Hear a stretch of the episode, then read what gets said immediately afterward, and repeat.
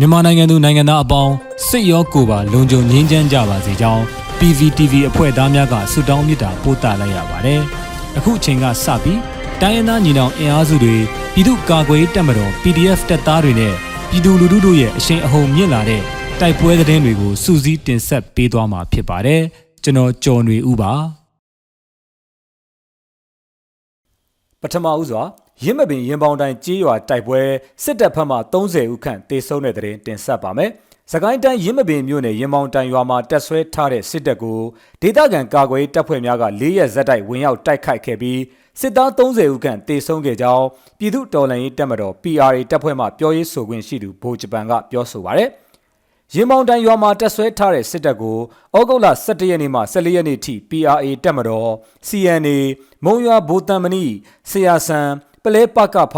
မုံရွာတပ်ရင်းများက၄ရက်တိတိဝင်ရောက်တိုက်ခိုက်ခဲ့ခြင်းကြောင့်စစ်သား30ဦးခန့်တေဆုံးခဲ့ကြောင်းသိရပါဗျ။ဆက်လက်ပြီးကမ်ဘလူမှာမိုင်းဆွဲတိုက်ခိုက်မှုစစ်သား2ဦးသေဆုံးတဲ့တဲ့တင်တင်ဆက်မှာပါ။စကိုင်းတိုင်းကမ်ဘလူမြို့နယ်ပင့်တာရွာကိုမီးရှို့ဖျက်ဆီးခဲ့တဲ့အကြမ်းဖက်စစ်တပ်စစ်သားများလိုက်ပါလာတဲ့ light truck ကားတစ်စီး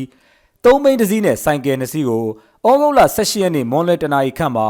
လှဲပွဲရွာအနီး၌ဒေါင်းရစာအဖွဲ့ကမိုင်းဆွဲတိုက်ခိုက်ခဲ့ပြီး စစ်သား2ဦးသေဆုံးက9ဦးထိခိုက်ဒဏ်ရာရရှိခဲ့ကြောင်းနယ်မြေကန်သတင်းရင်းမြစ်များထံမှသိရပါဗျ။ဂံကောတိုက်ပွဲမှာစစ်သား6ဦးသေဆုံးပြီးရဲတအုပ်အရှင်ဖမ်းမိတဲ့သတင်းဆက်လက်တင်ဆက်ပါမယ်။မကွေးတိုင်းဂံကောမြို့နယ်တောင်ပိုင်းကိုစစ်ကြောင်းထိုးလာတဲ့အကြမ်းဖက်စစ်တပ်နဲ့ဒေသခံကာကွယ်တပ်ဖွဲ့များအိမ်သစ်ကြေးရွာနီဩဂုတ်လ17ရက်နေ့မွန်လွယ်12နာရီခန့်မှာတိုက်ပွဲဖြစ်ပွားခဲ့ပြီးစစ်သား6ဦးသေဆုံးကရဲတအုပ်အရှင်ဖမ်းဆီးနိုင်ခဲ့ကြောင်းကာကွယ်တပ်ဖွဲ့များထံမှသိရပါဗျ။ အကြမ်းဖက်စစ်တပ်စစ်ကြောင်းဟာအင်အား80ခန့်ပါဝင်ပြီးစစ်တပ်လက်အောက်ခံရဲတပ်ဖွဲ့ဝင်များလည်းပါဝင်က